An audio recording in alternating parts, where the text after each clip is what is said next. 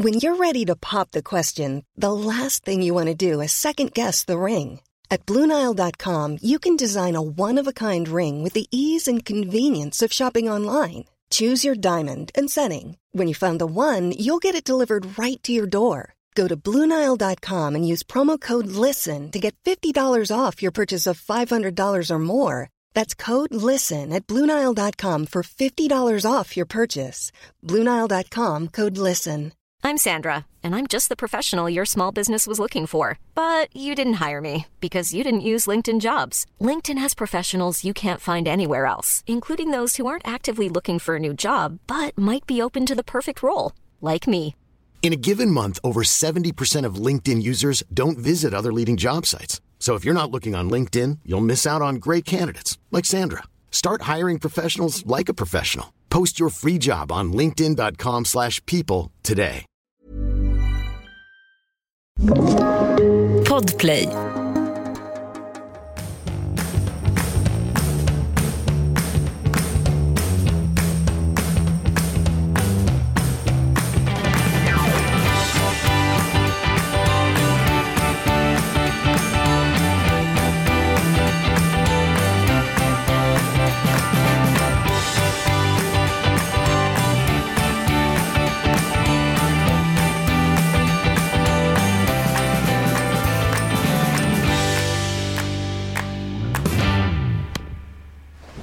Liten klappa. Blev en klappa där? Ja, du unnar dig en klappa. Ja, det är nyårsklappen 2022. Ja, nu är det nytt år. Eh, väldigt misslyckat nyår för mig om jag ska vara helt ärlig. Ja, men rätt misslyckat för mig med.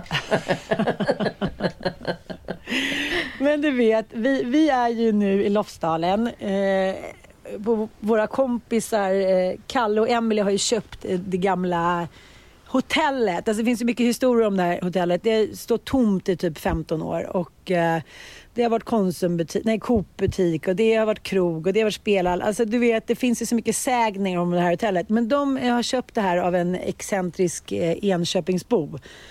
Mattias visste om vem det var, han kommer från Enköping. Och liksom ja, men renoverat hela klabbet och dragit upp liksom gänget från Bläck som är en mysrestaurang i Stockholm. Och, eh, Alltså de som jobbar där, de säsongar nu liksom och kör vintertid Precis. där Eh. Nice. De har ju, de har ju Hellas också ute på Hellasgården i Stockholm som ett friluftsområde som har tagit över. Så att, du vet när man säger, okej okay, men jag vill ha en liten snacks bara. Jag vill inte kanske bara ha grillchips utan jag vill ha en liten sån eh, pinnbröd med lite mm, smör. Mm.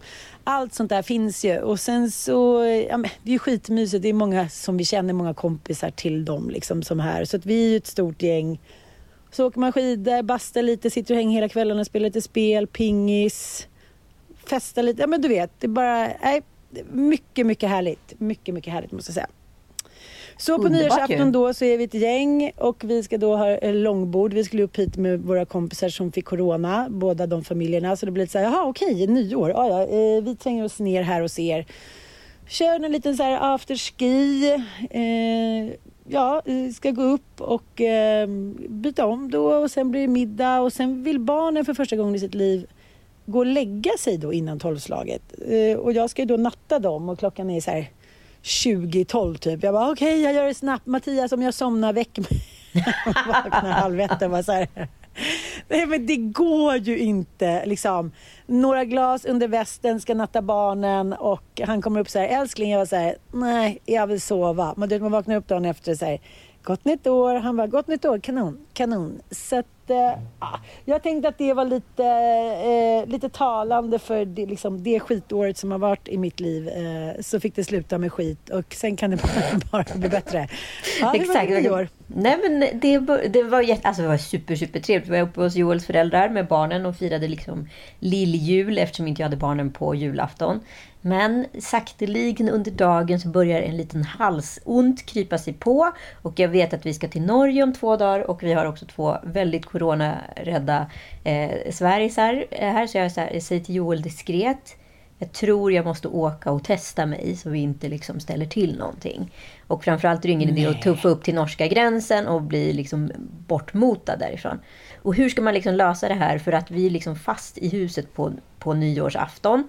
Och jag känner liksom att det börjar så komma lite feber. Ja men du vet, jag vet ju inte vad som är självframkallat eller inte liksom. Eh, och Tom Allad kämpar på där, så han somnar ju liksom halv tolv. Jag kan ju inte pussa Joel, för jag vet ju inte om jag har covid. Jag kan ju inte pussa honom vid tolvslaget, så jag bara säger tack och godnatt och går och lägger mig. Liksom, nej, för nej. Att, för att krypa, du vågar inte säga någonting. Nej, för att krypa iväg då till apoteket och göra sånt där självtest då på nyårsdagen. Men det visade sig vara negativt, som tur var. Och sen gjorde jag ett test till då, när jag kom in i Norge. Så, eh, ja, för att vara hundra, hundra, hundra liksom. Eh, så du gick omkring och var stressad hela ja, nyårsafton? exakt. Tänkte så här, jag är hemligt sjuk. och har förmodligen Nej. smittat hela familjen. men förstår du den ångesten? Nej. Nej men gud vilken ångest. Nej, för Joel hade träffat hans kompis Mattias typ eh, ja, men fyra, fem dagar tidigare. Eh, och han hade då fått bevisad covid på dagen innan nyår. Eh, och frågade men vad är symptomen då? Han bara, nej men det var typ bara lite halsont. Så de är ju väldigt milda liksom. Och precis, så det, det spädde ju på min panik liksom i det hela. För då tänkte jag så här, åh gud, jag har fått utav Joel. Som aldrig har fått det när jag har haft det. Eh, och han har bara liksom fört det vidare till mig. Och nu kommer jag så här, kanske eventuellt mörda hans föräldrar. Liksom. ja, men förstår du ångesten? Um, det hade ungefär, ungefär lika, lika härliga. Jag ja. hade ju i och för sig väldigt härligt fram till halv tolv. Um, men ja, du vet, man känner sig så också så här, jaha, okej. Okay. Och sen hade de andra hade kört på typ till så här, ha, ja, men, halv fyra. Oh, jag vaknade där vid typ, och sen vaknade jag igen vid tre. Då bara dunk, dunk, dunk. Det var ju så här, disco nere på, nere på golvet. Jag här, kanske ska jag gå upp nu då? Men, du vet, när, när, så här, den är jobbig den där känslan att så här, allt är över. Ja. Lite som när det tar slut med någon kille ibland så har man tänkt så här, men nu är det slut och så kanske man hånglar lite med någon annan. Så bara, nej, jag kanske inte ville det. Och så är det så här, Fast nu finns det är point of no return. Det ja, finns precis. ju många olika skepnader liksom. Nej men det där kommer jag ihåg ja. från man var liksom. Jag var ju en sån där som kunde somna rätt tidigt. Du vet typ på så här midsommarafton. Så här, tre snapsar in så mm. somnar jag liksom. Och så vaknar man mm. klockan tre på morgonen. Omtucknad och ja. glad. Hade typ så här fylledäckat vid liksom åtta, halv nio. Och sen så vaknar man och så bara är det värsta festen som pågår vid tre.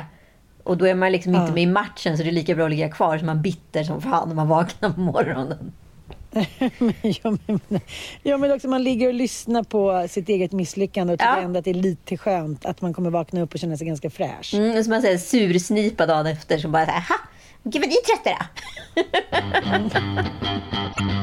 och nu är ni där i Norge. Vi är i Norge och ja, det har varit, igår var det faktiskt en snöstorm typ hela dagen. Men idag är det faktiskt stilla mm. och bra och jag såg faktiskt en glimt av solen Eh, precis vid frukost. Men eh, det är åtminstone ingen snöstorm. Det är grått däremot. Men eh, backarna här är ju helt otroliga. Det är som att vara i Åre fast med liksom Sälen-distans rent transportmässigt. Mm, mm. Så, och folk frågar om det är svårt att åka in i Norge. Vi åkte ju liksom in i Norge efter Sälen om man säger så.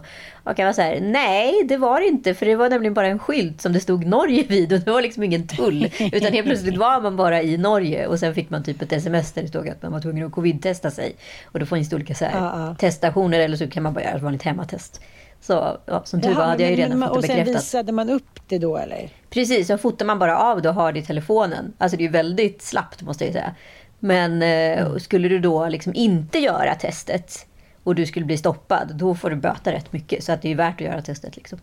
Jag tänker så här, de här Norge-skämten som man körde ja, men, mellan typ 9 och 12. Som så här, var typ de skämten man körde i skolan. Och eh, det är så här, ja men hur många varv eh, kör eh, norrman i en rondell? Så här, nio? Men, nej, nu kan jag inte ens längre. Men, men jag bara tänker så här, hur låg... Ja, men det var så här, vad är maxantalet för en norrman att köra en rondell? Nio. Så bara och norsken och svensken och Bellman. Så tänker jag så här, det här var ju innan den riktiga ståuppens tid. Men hur lätt det var att skratta skratta då. Det så här, ingen behövde vara edgy, ingen Nej. behövde så här, tänka på att det skulle vara appropriate. Det var så här, man sa något litet skämt och sen skrattade man ihjäl sig. Så var det med det. Varför. Men det var- det var väldigt eller, roligt. Eller var det roligt? Det kanske var roligt. Ja. Eh, högst oklart. Men det var roligt nu när jag var i Norge och producerade reklamfilm för norska med Mira. Så visade de upp hur Norge då ser på Sverige genom ett humorprogram som är väldigt stort i Norge. Eh, vi ska lyssna lite på ett klipp här. Ja, det här är då en väldigt då kåt kvinna som är då spelad av en man som då vill fira midsommar och eh, att alla människor på den här festen är jättetråkiga. Alltså det är så de ser på oss. Det var ju liksom, du vet, jag har gjort några så situationer med barnen där de får liksom improvisera och göra mig då som karaktär, hur de upplever eller hur Penny då exempelvis upplever mig som förälder. Och då är det att jag förfördelar liksom lillebrorsan och hon. och så. Det blir liksom, det är ju, det är ju det är jättekomiskt på ett sätt men det är också lite, lite så här aj, oj. Det är så hon upplever det. Ja, så det var, det var ju liksom lite skrattet i halsen där. Man bara satt och skrattade med liksom. Jag var så här, fan är vi så tråkiga alltså. Du menar att, att, att människor i Norge har högre andel ADHD och då tycker att vi är tråkiga här i Sverige? Är det, Ja, men vi, att vi, så här, vi har så torra traditioner och liksom, att, vi inte, att vi inte gör någonting. Det var mer det. Och när vi gör någonting så är, vi oftast, är det oftast sprunget ur sex. ja, men, Noe av det som kan være litt vanskelig, er eh, det intime. Altså, de ligger 50 år foran oss der òg, altså. Eh, altså. Vi har jo våre erogene soner. De har helt åpenbart mange flere erogene soner enn oss. Inte bara knamer där, knamer också på Vasavortan. Vasavortan er ikke helt uh, sikker på hvor det hen. Altså, er det, kan det være her, eller? Inte bara slicka mig där, slicka bara så på Klara-klumpen. Akkurat. Klaraklumpen, det blir vel eh, Inte bara ta fingren in där, ta också fingren in i Sankt Olofsspräcken. Nei, Du vet, Svenskene har jo ikke vanlig orgasme, sånn som vi har. De har noe som er mye kraftigere og sterkere, altså. Og det, det, ja, det er ikke noen spøk. Det var ändå ganska, ganska skarpt måste jag säga. ja, ja, jag håller med dig. Nej, men vadå, som att inte norrmännen vore traditionsbundna? Ja, Ja, ja. Jag såg här på norska Så ska det låta. Det, det, vi har ju norsk tv så jag älskar ju att kolla på tv. När jag, look, det de säger någon- någonting om så här, vad, vad är, hur funkar det här landet liksom. men har de ens Och- någon underhållning i det landet? Jo, men det har de. Det är ju verkligen copy-paste. Det är ju inte, det är ju inte ett svenskt format, det är ett internationellt format. Men det har ju gått väldigt lång, länge i Sverige. Så vi har ju en relation till utav det. Men eh, programledaren såg ut som ungefär som Erik Saade.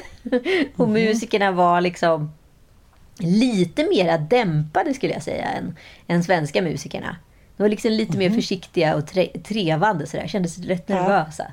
Men eh, ja, Jaha. morsamt, morsamt. Men Okej, nu måste vi sluta prata norska, Jag har aldrig jag- sett en norsk stuppare.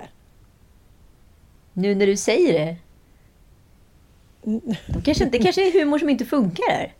Å andra sidan har de ju Ylvis. Och har man Ylvis så har man Ja. allt enligt mig. Ja, i och för sig. Har man Ylvis då behöver man inte liksom komma med någonting annat. Och Ylvis hade jag glömt bort. Jag älskar Ylvis så... Ylvis skulle jag kunna bli kär i. I alla fall mitt men det- 18-åriga jag. Ja, men, ja, mitt nuvarande jag också. Tyvärr. Lys- Ingen får lyssna på det här. Du, nu sitter jag här i sängen och tittar ut. Det är så här knallblå sol. Det snöade igår kväll. Eh, Mattias är med barnen i backen. Jag skulle inte åka skidor på grund av min operation men har åkt några åk. Det går liksom inte. Första dagen, andra dagen så här, gick jag och promenerade lite på berget och sen så bara jag måste bara åka upp och, och, och, och titta på berget. Och sen, men jag åker ju så här som en eh, 80-talist eh, kvinna typ som är med i Sällskapsresan. Med så här raka ben, jättetätt ihop och minikinisvängar så att det inte ska vara något tryck. Men Nej, nej, jag eh, det, det är så jävla härligt att vara i fjällen men det är jobbigt och eh, ja, men för en, en, en liksom människa som jag, en ADHD-människa som jag, som vi inte har pratat om i och för sig i podden, att stå bredvid och titta på. Det är, liksom, det är som att här, se en antilop och vara dödshungrig och, och så här, inte ha en pilbåge. Lite den känslan. Och, Jag förstår. Eh, ja, det kan många relatera till hur det känns. Ja, i savannen.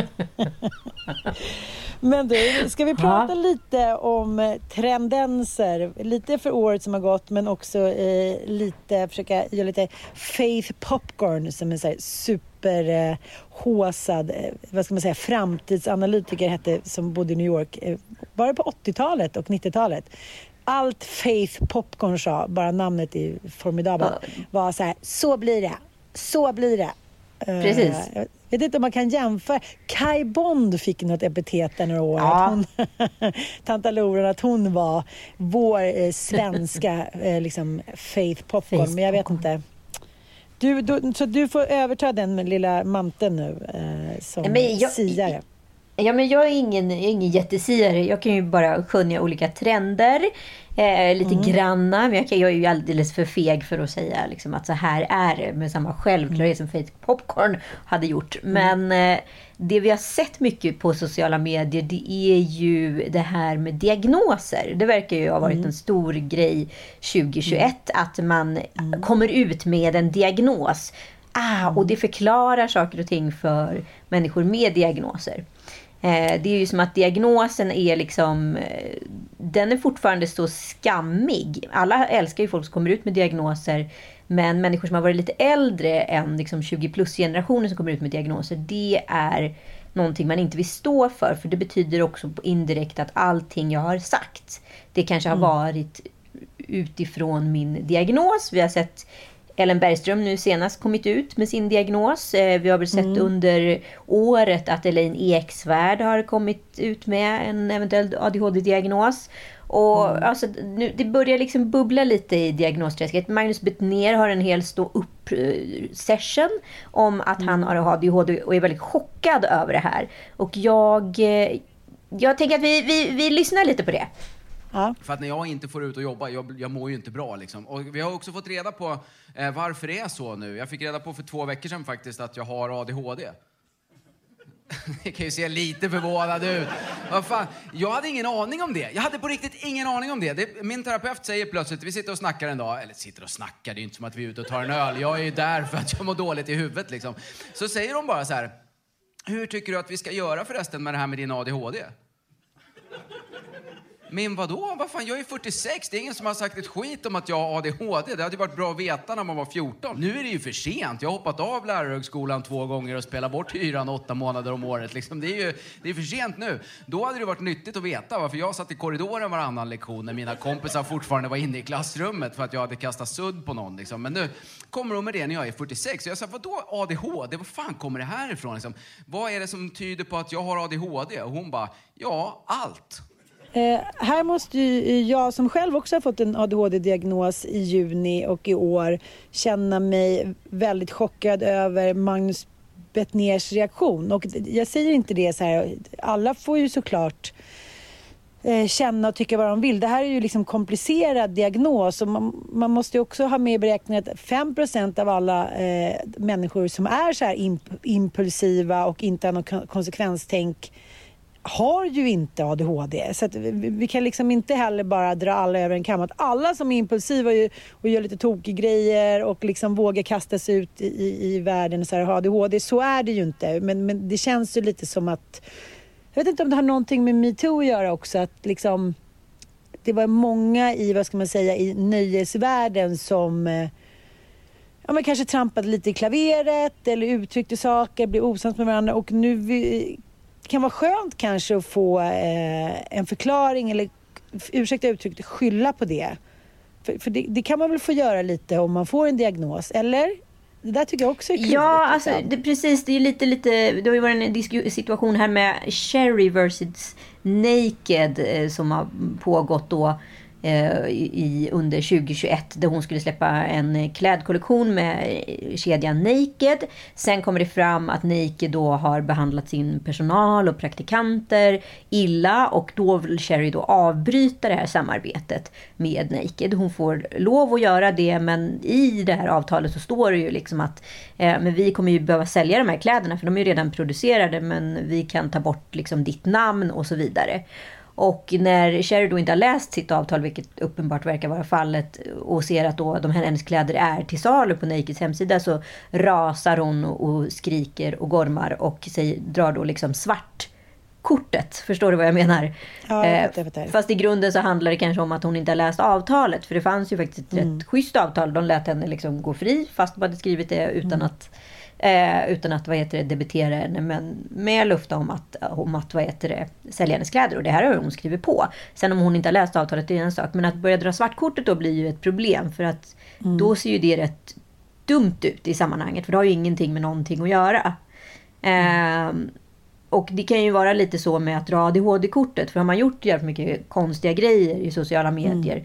Eh, då är, är det verkligen legitimt att dra ADHD-kortet för att säga så här, men det var, allt jag gjort har varit på grund utav att jag har varit eh, psykiskt eh, försvagad. Eh, på grund av min diagnos. Så ingenting utav det jag gjort eller sagt har varit re- utav relevans.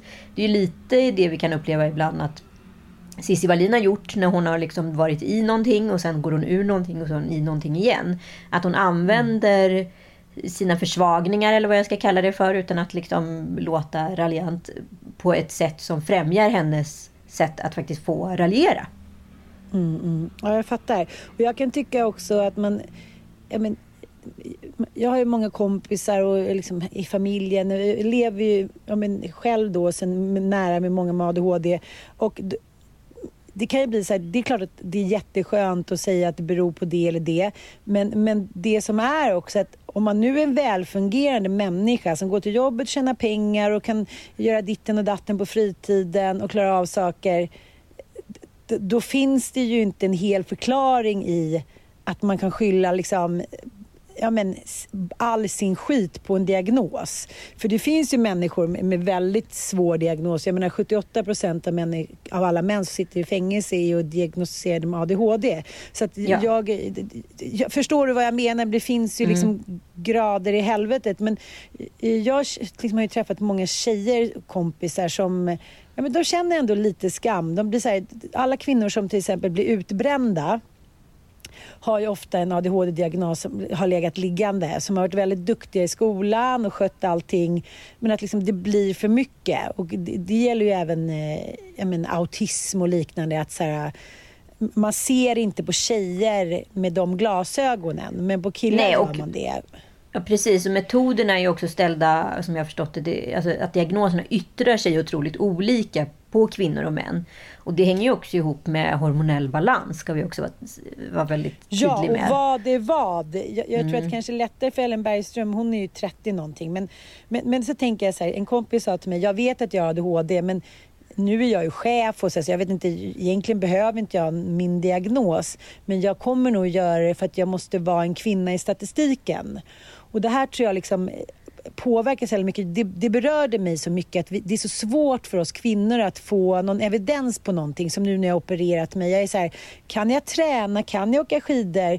Det finns för fan inga svar för det är ingen som har brytt sig om förlossningsskador fram till år 2021. Liksom. Nej. Och det är samma sak med, med diagnoser. Så det är ingen som har brytt sig om det för kvinnor. För vi har varit så duktiga på att kamouflera det. Men ju fler kvinnor som blir utbrända så måste vi börja rota i vad som är vad. Liksom.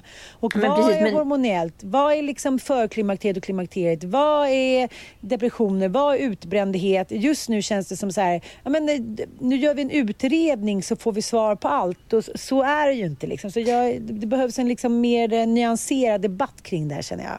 Nej men precis, och du har ju faktiskt inte pratat någonting om det här men du har gjort en stor utredning och du skulle ju gjort en utredning egentligen, påbörja en utredning för flera år sedan. Men då valde både läkare och du att avbryta för att du var i en process i livet där, man, där det var svårt faktiskt att veta vad som var var vad i den situationen. Men nu när du liksom har varit på andra sidan utav det här och samma, vad ska jag säga, problematik kvarstår, då kändes det väl rätt leg- legitimt att äntligen få ta, ta itu med det. Men med det Ja. sagt vill jag bara så här, belysa att vi måste fortsätta prata om det hormonella, men jag vill att du berättar lite om vad det är som har hänt. Eh, ja, men jag började ju, jag har ju börjat med en utredning två gånger i mitt liv. Senast då när Bobo var eh, ganska nyfödd och då, hade, ja, men, då var ju min relation ganska ny med Mattias. Och eh, jag tror att jag någonstans ändå kände så här att ja, men vi har precis blivit tillsammans. Att jag kanske ändå ville framstå som så här duktig mamma, duktig liksom, flickvän. Jag vet inte. Jag försöker analysera varför jag inte liksom, drog det hårdare framåt då. Men så gick jag tillbaka och kollade jag då på, på eh, de som hade fyllt i. Man, man ska ju be kompisar fylla i då men, olika formulär. Det är ju liksom men det är bra att det är en gedigen utredning. Man pratar med psykologer, man träffar läkare. Eh, den här gången fick jag också stå på ett ben. Och, så man ska utesluta allt annat. Som till exempel ja, framförallt var det ett, ben, ett ben-testet som var avgörande. Nej men de har ju intervjuat mig, de har intervjuat andra runt omkring dig. Liksom, ja, för att, så, så här... många. Jag gav ju 22 ja. namn. Vad är det som tyder på att jag har ADHD? Och hon bara, ja, allt. De, ja. Hon var så här, okej. Okay. Men, men det, det, det, som jag tyckte var fascinerande var att de flesta som jag pratade med hade Eh, min terapeut och pratat med väldigt länge så det var så okej okay, men nu måste jag jobba. Det, var det kändes, hon var väldigt intresserad av att ta reda på vad som är vad. För det är så här, jag har ju ändå fem barn, jag, jag har ingen förälder kvar i livet, jag har en man med ADHD. Alltså jag menar så jag fattar att det är svårt att veta riktigt vad som är vad. Liksom. Ja. Men eh, nu, nu, i alla fall så, eh, nej men jag kände mig ju liksom inte ett dugg tveksam. Men, men det var och vi har ju skojat om det här i flera år utan att faktiskt veta. Men nu vet vi ju att vi börjat ja, inte ett skämt längre. ja, nej det är inget skämt längre. Men, men det är också så när man ser, det, det är just de här, eh, om, om man kan ta hörnstenarna i om, jag, om, jag, om ni, någon som lyssnar tänker så här, har, kan jag ha ADHD liksom? Så tycker jag också att dels så skapar man ju sin, sin egen lösning på problem och det tycker jag man ser så här, det skrev Ellen Bergström också nu när, när hon fick någon fråga. För jag, ser initialt att man försvarar att man, har, man är smart fast man har ADHD fast det inte har med det att göra. Hon skriver inte så mycket om sin problematik men hon skriver att hon är väldigt bra matematiskt att hon är väldigt bra på att se mm. liksom, siffror och former och så. Och det är jag också. Men hon skriver ingenting om vardagsproblematiken. Och det här tycker jag också det här tycker jag har varit den största skammen. Just för att tjejer ska vara ordentliga, ordning och reda, komma i tid, bla bla. Det är så vi historiskt uppfostrade och eh, har vi inte varit det eller lyckats med det så har det varit liksom, men gud hon är en tomboy liksom. Hon har varit rörig, hon är så här, vill klättra i träd. Det ska liksom romantiseras fast det är inte ett dugg romantiskt att ha jättesvårt att komma i tid eller att inte kunna städa sitt rum eller att glömma grejer hela tiden. Man får liksom när man ser hur andra jobbar, eh, ja, nu ser man ju tydligare hur, hur, hårt många med ADHD jobbar för att göra de vardagssakerna. Liksom. Och mm. det tror jag för tjejer är det en skam att inte klara det som ett rinnande vatten och vara liksom en husmor. För jag har ofta tittat på så här, många av mina kompisar och tänkt så här, vad gör, gör hon något magiskt med disktrasan? För när hon drar över bordet så blir det liksom blankt och fint som, som en liksom trolldom typ. Men när jag gör det, alltså jag, det är hela tiden det som jag liksom har sett. Att jag, svårt att få ihop de där liksom, ja, men de vardagsgrejerna och det tror jag så här, det är ingen som kräver det av en kille. Så killar är så här, ja ja men vad fan städa, skit i det. Och då har jag ju kompenserat Du bröt armen 18 gånger och det är inget konstigt för du är bara lite vild. Ja precis, och så här, vadå, vilka killar kan städa liksom? Det är det de, men de, då får han göra annat, byta liksom däck på bilen och bla bla. Och så har man stått där så kanske man har varit två som varit dåliga på det där vilket då har skapat såklart Friktion. kaos i vardagen liksom, på många sätt. Och jag har ju levt såklart, kaka söker maka, man söker sig till män som också är så här impulsiva, kör på, flyttar, ja, men liksom hakar på på allt det impulsiva som man vill göra liksom. Sen blir man ju äldre och tröttare, eh, som tur är. men, mm. men just ser jag, att, jag, jag ser hela tiden att kvinnor vill ge en förklaring till sin ADHD. Alltså förstår du? Så här, nej, det är inte det att jag inte är smart eller in, liksom, det är inget fel på mig istället för att säga som det är, att alla kvinnor med ADHD har ju problem med vardagsbestyren. Det är det ja, och det, det tycker jag är så viktigt att belysa. Och det är ju ja, mer det, liksom, ja. för, att, för att det kanske inte drabbar dig personligen, men för alla oss runt omkring dig mm. eh, blir ju det drabbande. Eh, mm. Alltså det kan ju få oanade konsekvenser. Vi, vi har ju väl haft hur många situationer som helst med podden där det har varit liksom en utmaning och det har vi tärt på liksom oss många gånger som poddduo. Men jag minns i alla fall när du fick din diagnos att du var rätt chockad. Nej, men jag, var, nej, fast jag var inte chockad. Jag, jag var chockad över hur jag själv reagerade. Ja. Förstår du vad jag menar? För du var Men- men det- ändå liksom, du kände dig ändå sårad eller liksom, alltså jag tycker det är viktigt att vi belyser det. Att, att du, du bara så här, det var ingen axelryckning för dig, för det var ändå en, Nej, någonting. nej, nej. Men, men jag tyckte att det var ganska skönt. Vi hade flera, jag har flera kompisar eh, som har fått sina diagnoser det här året. Ja. Och eh, du och jag har pratat mycket om liksom så här, vad är hormoniellt, så här, förklimakteriet, så här, vad är vad? Och jag tror verkligen att, eh, att i en viss ålder så kan det vara en, kanske kan vara orsaken till att man tar tag i det. Men, men ibland så tror jag också att, att det kan vara just som så här, jag har ju massa kompisar som säger så här, jag kan väl inte leva, jag vet inte hur man jobbar, jag klarar inte av någonting. Och jag har varit så här, men du ska inte så här, kolla om du är förklimakteriet då? Men jag har gjort det en gång, så här, jo, jo, men det var ju ett år sedan, det där kan ju gå fort och liksom, människor som har blivit radikalt förändrade. Jag satt på någon jullunch här innan jul och eh, en av tjejerna var så här, jag mår så dåligt när jag tänker på mitt förklimakterie att jag inte förstod vad det var. Jag var inte, enligt mig själv då, en bra människa. Jag gjorde så mycket konstiga grejer som jag skäms för, både mot liksom, den jag älskade och runt omkring. Alltså en hondjävuls liv och lustar, en hormoniell galenskap. Och den tror jag vi alla kan känna igen. Liksom. Nej men vad är vad? Och du, har ju, liksom, du släpper ju en podd nu med Her Care som, och försöker belysa det här ämnet. Ja men precis, för jag har ju många gånger tänkt att jag har nog... eh, jag, fin, jag finns med i ADHD-spektrat. Men jag är inte liksom, jag är ändå så strukturerad och organiserad. Jag har inga problem att få ihop med just mina vardagssysslor. Så det är det som hela tiden har fått mig att så här, tveka på om det verkligen är så. Sen så kan man ju vara...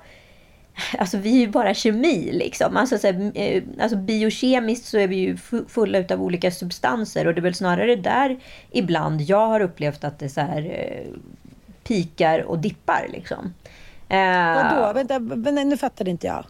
Nej men så här, vi var ju fulla utav kemi, alla människor. Och kvinnors kemi ser ju inte alls ut som män. Så om vi kollar då på statistiken för psykisk ohälsa och om vi också kollar på så här, exempelvis skilsmässostatistiken så kan vi se att det är ungefär över en halv miljon kvinnor idag som går på antidepp. Och börjar man kolla på liksom, eh, alltså själva kurvan så eh, pikar det ju här runt 40. Eh, och man förstår inte vad som händer, kvinnan blir förändrad, rela- det är fel på mannen tycker man och så vidare. Eh, mäns eh, liksom, cykel med testosteronnivån, den ligger exakt identisk under en månad. Det är ingenting som sker i en man. Under tiden en kvinnas cykel är, har liksom ups and downs med liksom ägglossning, PMS och så vidare. När vi i 30-årsåldern jobbar som mest, skaffar barn, flyttar, byter bostad, allt det där som vi ska självförverkliga. Då kommer någonting som heter stress in i vårt liv. Och stress har väldigt negativ påverkan för kvinnan. För det är nämligen så att då töms våra liksom förråd på GABA och serotonin. Och vi fyller inte på de här förråden för vi vet inte att vi kan äta tillskott. Vi vet inte att vi kan behöva lägga om våran kost och så vidare. Och helt plötsligt då kommer du in i någonting som kallas för förklimakteriet. Och då kan du komma i highs and lows and blues och så vidare. Och du förstår egentligen inte vad det är som händer med din kropp. Det första du gör då, för att vi pratar så mycket om psykisk ohälsa idag, det är att du går och får ett antidepp. Det antideppet gör det är att det använder upp det där lilla kapitalet av serotonin som redan finns i kroppen men också ger dig konstgjort sånt. Sen tror du kanske någon gång vid någon high att så här, nej men nu är jag nog ur min depression. Nu behöver jag inte göra det här längre. Och så kör, du på så ett tag och sen kommer då riktiga klimakteriet. Och då är alla värden i botten. Så jag tycker det är så jävla viktigt att man så här tar reda på, i och med att våran vård inte är samkörd, alltså din allmänläkare och din eh, gynekolog. Det är inte samma anrättning i det svenska vårdsystemet. Men i det amerikanska vårdsystemet så är det det. Där går kvinnan och kollar en gång per år sina liksom, biokemiska nivåer. Och så får man liksom, eh, blir man precis som man är en radiofrekvens i och med att vi är biokemi. Så får man det där liksom reglerat med då hjälp av tillskott och eh, det du behöver. Med det sagt betyder ju inte att du inte kanske inte får antidepp. Men att många av de här grejerna kan regleras långt innan. Så man måste ta reda på vad som är vad. Och hos Hercare finns ju liksom både allmänläkare och gynekologi och liksom eh, coaching etc. och eh, psykolog i samma byggnad. Så man kan hjälpa dig med det du behöver ha utrett. Liksom. Så därför gör jag den här podden för att så här, kunna komma till sans med det här. För att vi kvinnor sliter på våra kroppar på ett ohyggligt sätt och vet egentligen inte vad som är vad. Och då kanske det inte alltid är rätt att bara springa till eh, antideppvården. För det kanske inte är den hjälpen du behöver. Det var inte den hjälpen jag behövde exempelvis. Under tiden i ditt fall så är det liksom där har du känt att här, det är vardagsbekymren som liksom tar över mig och jag inte får ihop mitt liv. Då kanske det, det är rätt väg att gå. Liksom. Men jag tänker också så här, och, och, jag tycker att om man jämför då med den serotonin, det är ju lite samma sak som händer med en människa som har ADHD. Man har lägre eh, man har lägre doser av dopamin och serotonin. Så det som kan hända då när man kommer i förklimakteriet är så här, gud, jag känner att jag får inte ihop det, jag kanske har ADHD. Jag, jag måste ändå se det som en förklaring till att så många av mina kompisar har gjort utredning för ADHD-diagnos de senaste två åren. Att så här, någonting händer. Men jag tänker allmänt så är man kan också ha olika ADHD-symptom. Liksom. Och man, mm. Det är mm. samma sak med ADD, man känner att man får ingenting gjort. Och Det är också lite samma sak med klimakteriet och förklimakteriet, att man känner så här, nej men gud, jag, jag vill inte göra någonting. Jag vill bara ligga här och kolla på TV. Jag har ingen ork och lust kvar.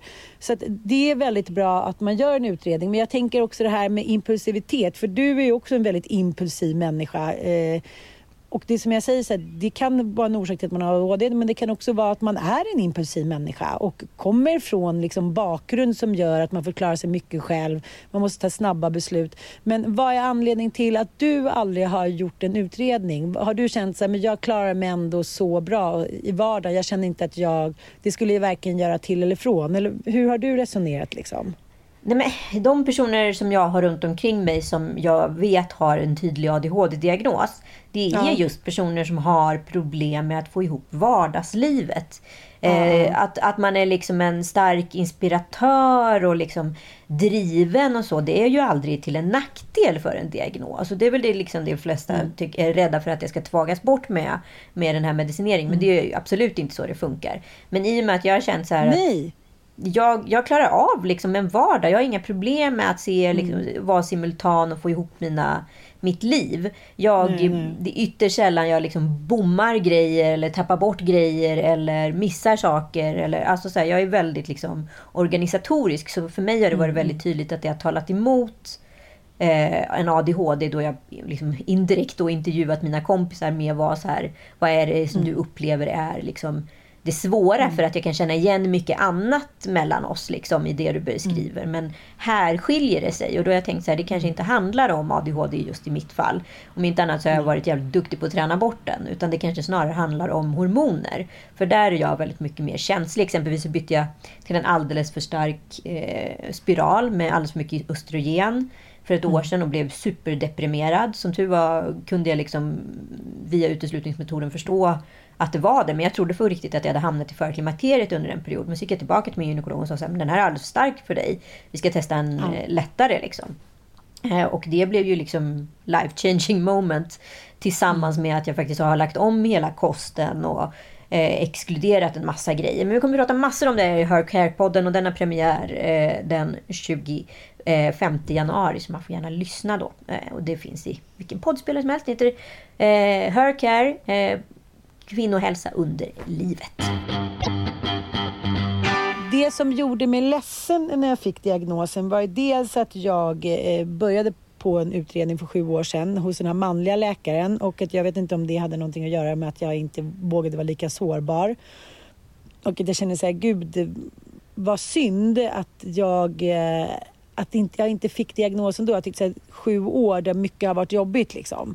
Men så har jag samtidigt också eh, skaffat två barn. Eh, jag eh, ja, har en ny man, vi har flyttat, vi är hit och dit. Så man får väl också lära sig att eh, ja, det som har varit har varit och det har också gjort att jag har till exempel vågat skaffa fem barn. Det hade jag nog aldrig gjort om jag hade fått en diagnos när jag var 15. Men eh, det känns ju också som mycket av det som jag har velat göra som plugga och bo utomlands och det har ju liksom ändrats då av en impulsivitet. Så här, man har träffat någon, eh, man kanske har sålt grejer man inte har velat, man har inte haft något liksom, långtidstänk. Så här. Men grej, men jag, be jag behöver inte ta det här beslutet nu. Jag kan ta det här beslutet om ett år eller jag kan ta det om en vecka att man tänker att det finns bara en lösning på problemet. Ja, impulsen blir så stark så att så här, du kan inte stå emot den. Liksom. Nej, nej, det går inte. Och jag tycker det är så jävla spännande nu att så här, ja, men, eh, Ivar Arpi som är forskare bland annat inom ADHD, han säger så här, om inte ADHD hade funnits så hade vi ju inte lämnat Afrika. Så är det ju. Det påstås ju att alla upptäckare, alla människor som har upptäckt saker och ting och utforskare har ju haft ADHD, men de har ju också haft, liksom, om vi nu skulle jämföra med Isabella Löwengrip och Pingis Adenius som alltid haft en pingis där vid sin sida, liksom, som har hjälpt till att styra kursen. Liksom. Så att så här, ja. man ska inte under en ADHD-diagnos göra sig av med människor som faktiskt kan hjälpa en. Eh, bara för att man blir liksom lite hög på sig själv. För det är ju ofta så att många personer med ADHD de blir, får mycket uppmärksamhet i media och de blir liksom Messias-uttalanden och så vidare och mm. Eh, blir starka ledare. Och då när man blivit alldeles för uppblåst, då helt plötsligt så, så försvinner mm. liksom den där liksom ledsagaren på vägen för att man själv känner så här, nej men alla älskar mig, vad ska jag med dig till? Det här klarar jag själv. Men det gör man inte. Man får liksom en ADHD-narcissism kan man säga. Precis, alltså man blir en kick liksom... av sig själv. Ja, och den tror jag, den kan ju män, alla människor känna igen sig i. Men det är också att man lever lite i sin egen verklighet. Och jag tänker ofta när man pratar med, med människor med ADHD säger, säger man så här, jaha, men, men varför gjorde du inte så då? Jaha, så kan man ju göra. Liksom, lösningar som för alla andra är så självklara men som är så icke självklara. Liksom. Jag tänker ja. Anders Hansen, då, forskaren, han, det är så spännande. Han, ja, men, ju, han, han, beskriver i sin bok att ju längre bort man rör sig i Afrika desto vanligare är det med genkombinationer som korrelerar med ADHD.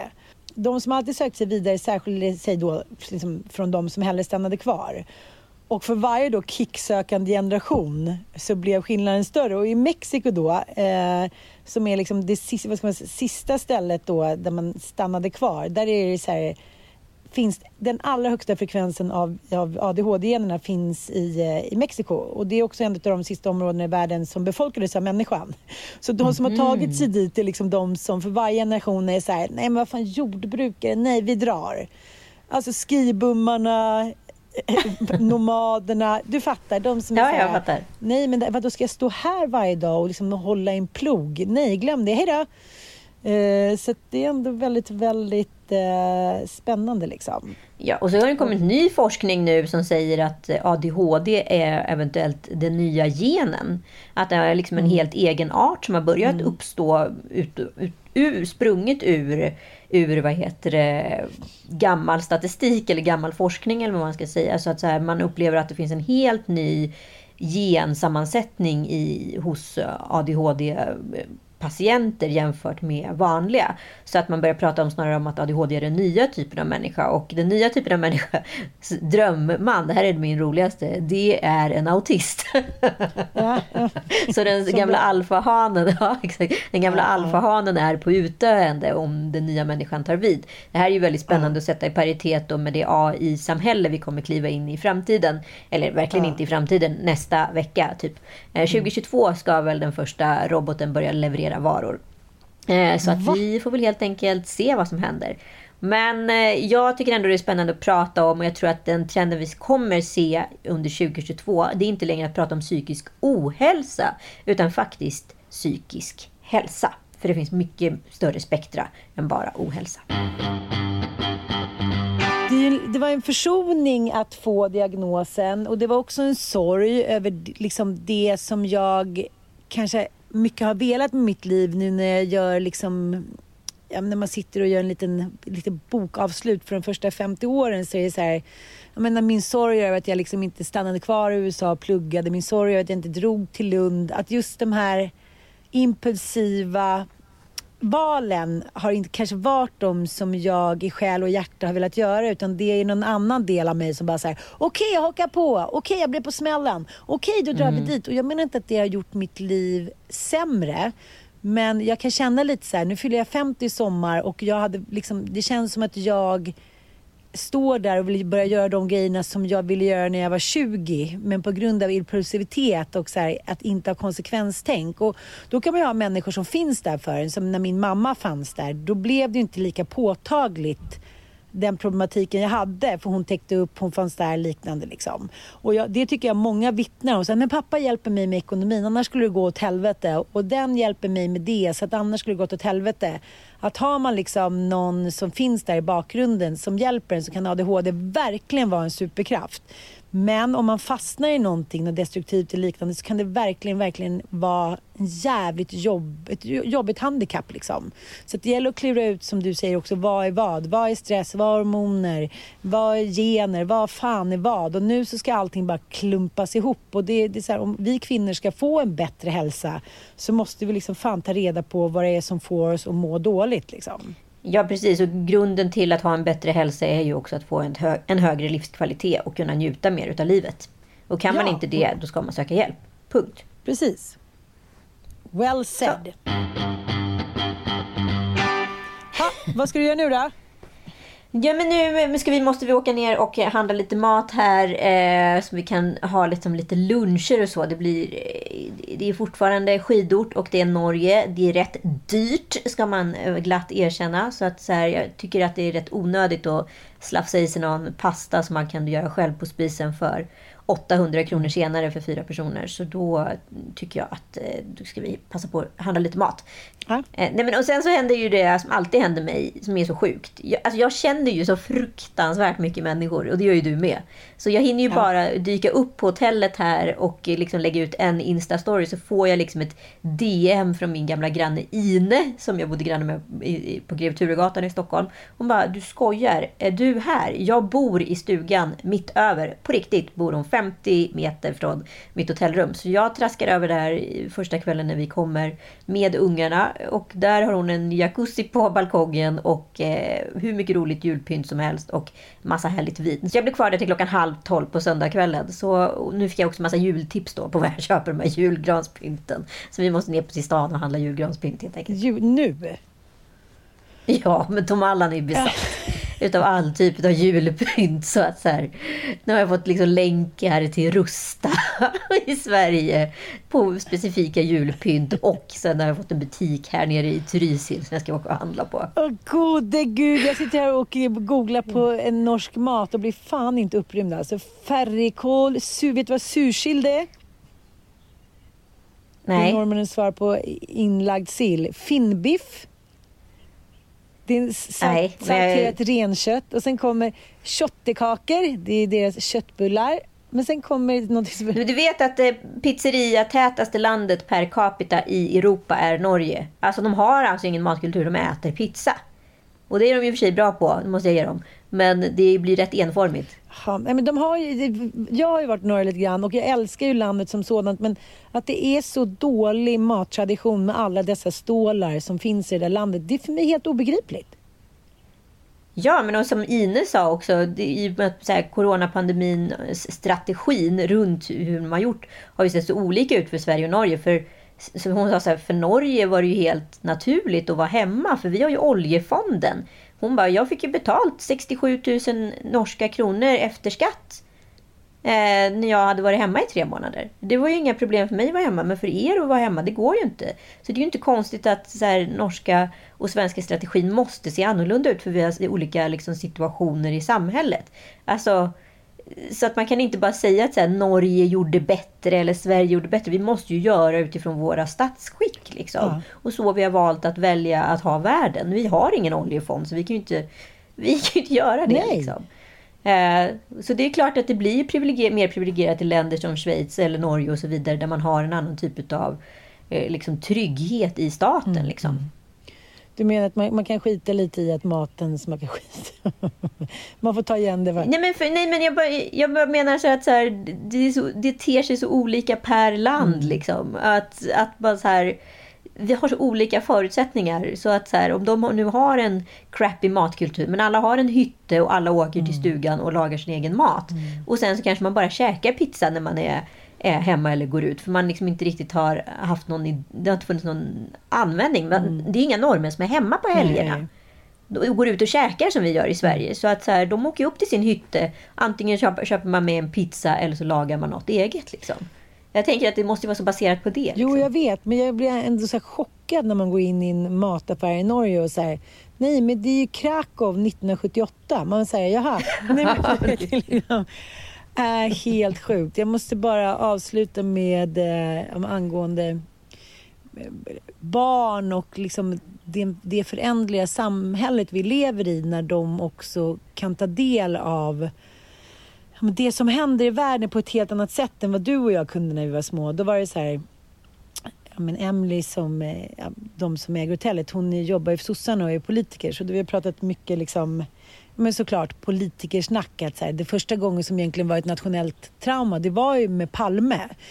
Och det var så chockartat ja. för alla att säga det här kunde hända i Sverige. Vi, vi, har varit så invaggade och naiva och sen kom tsunamin hit och dit att vi fortfarande blir så jävla chockade chockad över allt som sker. Och så det här med Einar, liksom, att jaha men gud vad händer nu? Och det är bara att kolla på hela systemet med, med, med av, eh, av skolan och alla ungar som liksom, ja men det som vi pratade om med Dick Sundevall i en av poddarna kort efter Einars död, att eh, ja, men vad, gör man med alla dessa unga killar nu som ja, bor då i, i utanförskapsområden och så här, flyttade in för 15 år sedan och nu är det så tusentals killar som inte kanske har något vettigt att göra. Liksom.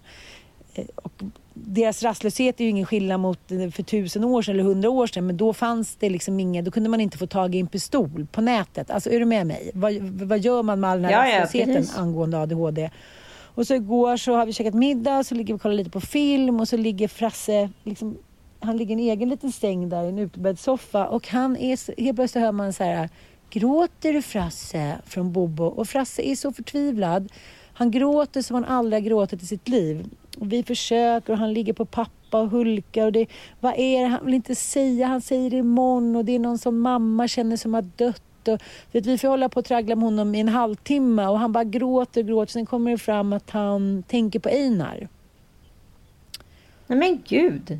Nej, för det, vi har ju pratat om det också liksom, såklart. Och sen så har vi pratat om det i Sanna som min podd för Micke och Lena levde ju tillsammans under många år. Det, det är klart att det har blivit nära på ett sätt och det berörde mig jättemycket. Man har ju barn i samma ålder. Det, det, det tog mig väldigt, väldigt hårt liksom. Och det kanske de har känt av. Men så de har lyssnat lite på hans musik och sådär.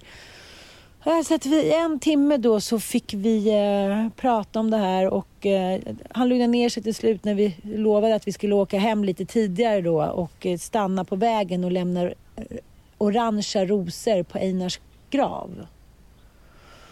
Och då tänker jag så här, det, jo, det här är, det är någon form av nat, liksom nationellt trauma fast med den nya tidens spelregler. Förstår du? Det är inte så politiker eller kanske idrottsmän och, och barnen en annan tillgång. Det fick mig att tänka till. Så här, att han, var, han precis fyllt fem år och det här har liksom satt sådana spår i honom. Jag, jag, jag bara ville ta det med dig för att jag blev så himla berörd. Han var så förtvivlad och sen så när vi började prata om att jag tänkte så här, men vi pratar om det, så ska jag förklara för honom varför Einar var död och han är liksom fem år. Jag lyckades liksom inte göra, göra det på ett bra sätt. Jag bara tänker så här, det är en ny tid som du säger. Det är så AI, det är, det, det är liksom en ny sorts trauman som kommer upp och man måste liksom vara lite mer förberedd på allt känns det som. Är du med mig? Ja, nej men, ja, men precis som jag var sex år när Palme dog liksom, mm. och vaknade av den nyheten på morgonen. Mm. Eh, och det var en väldigt vuxen man och han betydde någonting för Sverige. Mina föräldrar var för ledsna. Ja, men det var fortfarande en abstrakt sorg. Här har vi helt plötsligt en person som är liksom i deras ålder.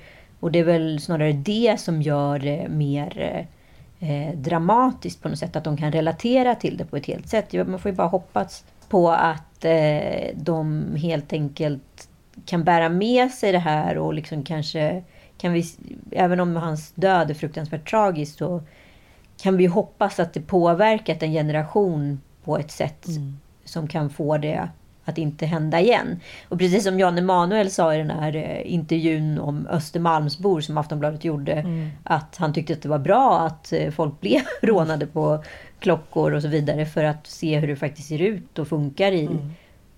i verkliga världen. Att det inte finns skyddade zoner längre. Det kanske ligger någonting i det. Jag håller sällan med Jan Emanuel men det fanns ändå något i det han sa som var en vettighet. Men, men, nu, den här gången måste jag ge honom. Men jag tänker att både Sverige och Norge har ju liksom råkat ut för nationella trauman som vi inte har överhuvudtaget haft en imaginär tanke på att det skulle kunna ske. Jag tänker på Utöja och liknande. Att vi är, vi bor här i norr. Vi har liksom klarat oss bra. Vi har haft politisk språngbre, politiska språngbrädor, bra skolor. Eh, och det märker man också nu inom EU, så här, att det är så många länder som ligger efter oss nu när vi ska ha ett gemensamt klimatavtal. Okej, okay, nu ska vi snacka lite med Polen och Tjeckien och dem om... Alltså, vi har varit väldigt privilegierade och väldigt sansade människor liksom, genom århundraden. Vi har hållit oss utanför krig och vi liksom varit ganska smarta. Vi har varit ganska icke-ADHD om man ska säga så. Vi har liksom hållit oss här i norr. De, de har inte riktigt nått oss hela den där genen på samma sätt om man ska här, skämta lite om det. Men, och sen när sånt händer så, så har vi svårt att förklara det för att vi har liksom inte stått förberedda heller. Och jag, jag känner att det är en sån känsla som jag har lite med Einar när jag ska förklara för mina barn, nu är de ju väldigt små, så, att, så, så, kan jag inte riktigt förklara på ett bra sätt varför unga människor skjuter skallen av varandra i Sverige. Om du förstår vad jag menar. Ja, nej, jag förstår. Mm. Och med det tror jag vi avrundar den här podden. Så kan vi gärna komma in med tips på det. Jag tycker vi ska plocka upp en grej inför 2022 som vi testade lite smått eh, under hösten. Det är ju de här olika dilemmana och bekymren mm. som då och då skickas in till oss. Mm. Så vi plockar upp den tråden. Så från och med nästa vecka tycker jag helt enkelt att då är det dags att skicka in era olika dilemman. Och det behöver inte bara handla om kärlek. Det kan vara jobb eller eh, kompisar eller precis vad som helst som ligger nära till hands. Precis. Och vi kommer svara efter bästa förmåga här på kammaren. Gott nytt år! Gott nytt år och god fortsättning. Hörs om en vecka. Akkurat!